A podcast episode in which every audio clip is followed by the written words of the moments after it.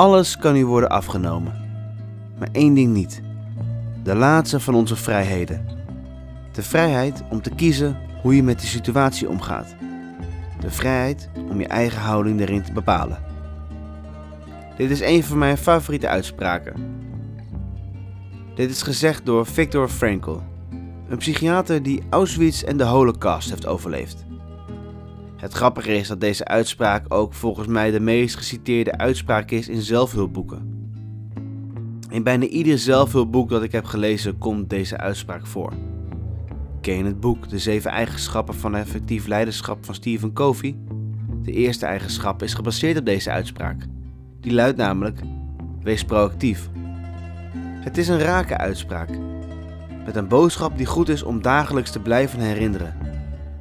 Er zijn personages in de Bijbel die deze uitspraak geleefd hebben, die in een situatie van onmacht, hulpeloosheid en wanhoop terecht zijn gekomen. Of zoals ik dat noem, in een leven vol leegtes, met enorm veel behoefte om omarmd te worden.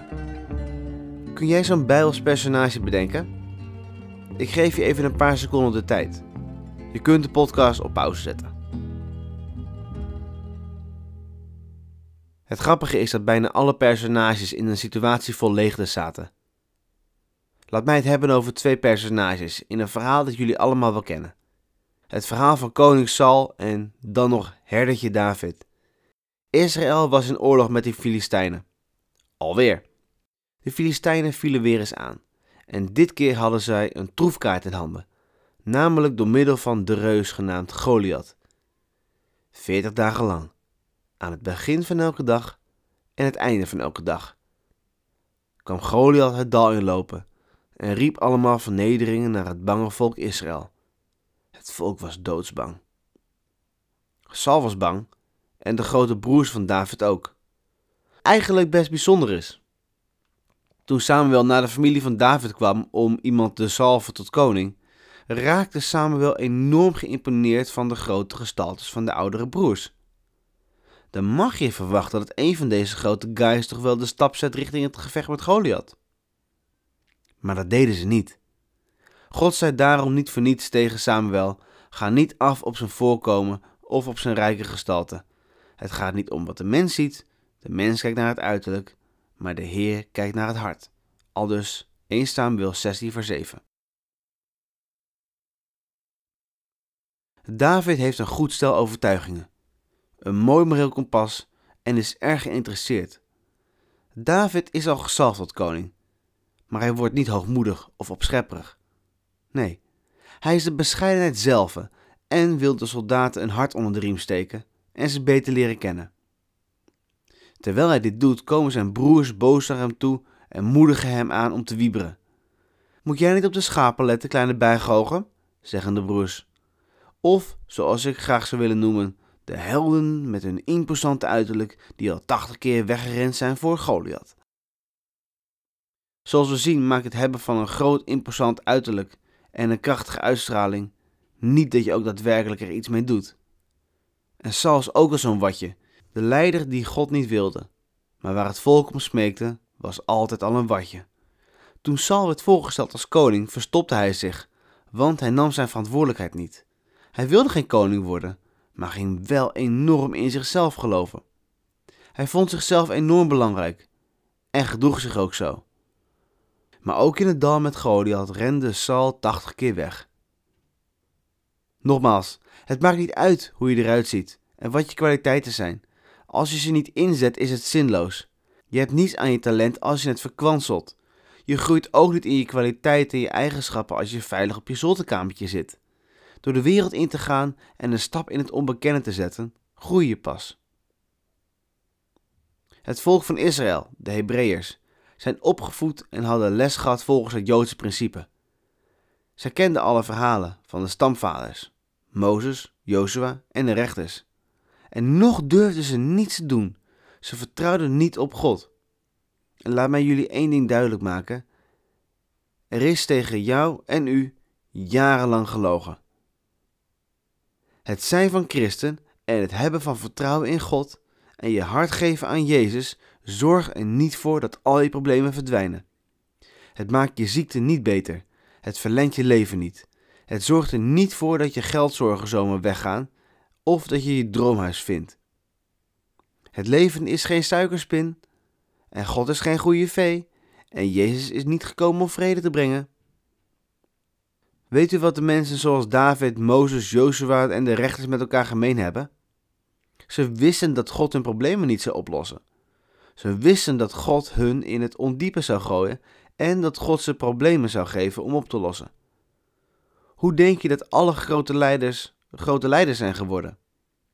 Niet door een probleemloos leven, maar door een leven vol afzien, problemen en vele stappen uit de comfortzone.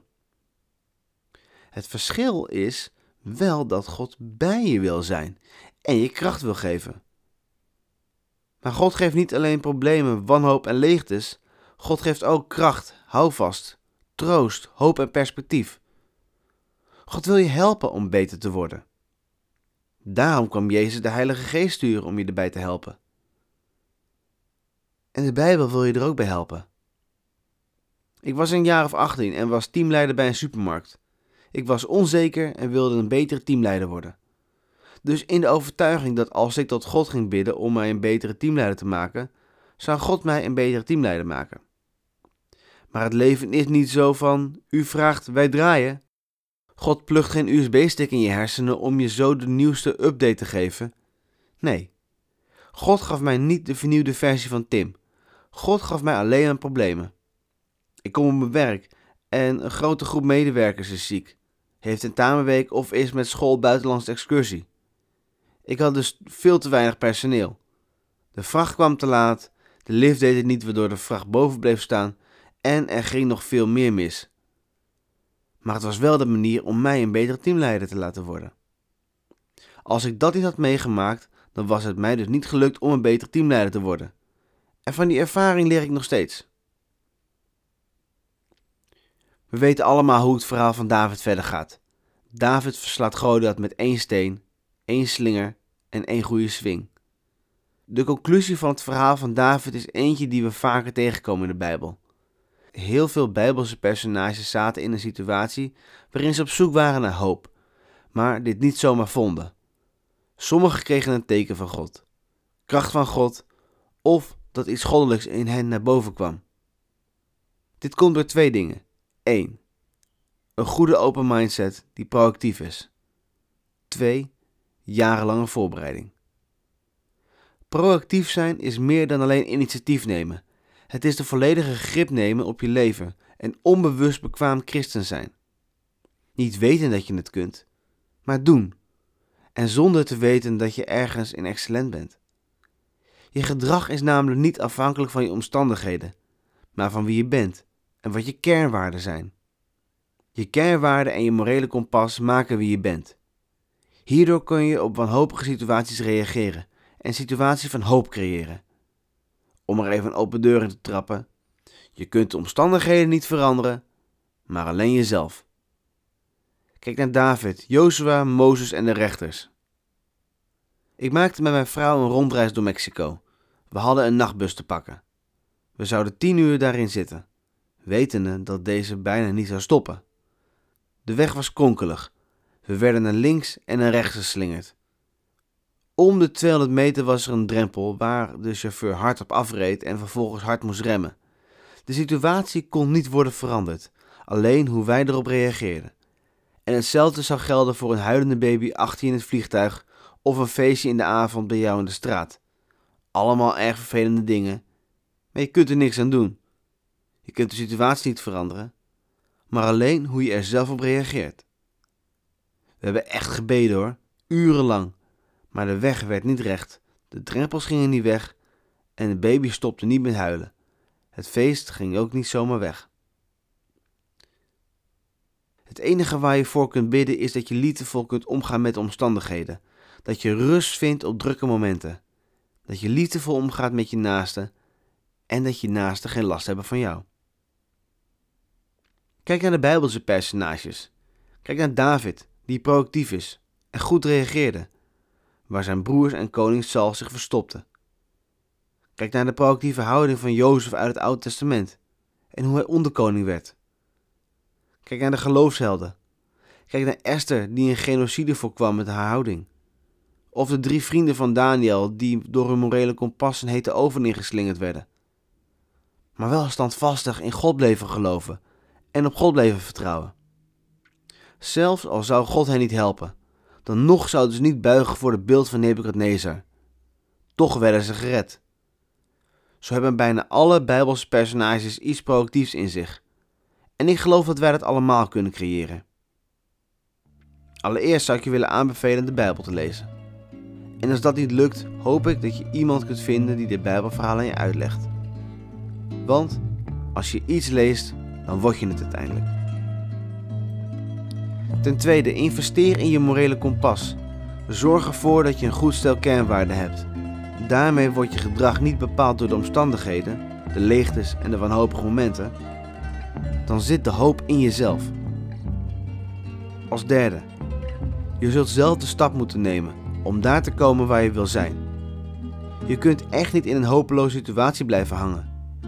Hoe moeilijk het ook is, hoe uitzichtloos ook uw situatie is. Je moet uiteindelijk uit je comfortzone stappen en een stap in de groeizone zetten. En als laatste, betrek God bij je reis. Bid tot God dat God je een beter mens wil maken.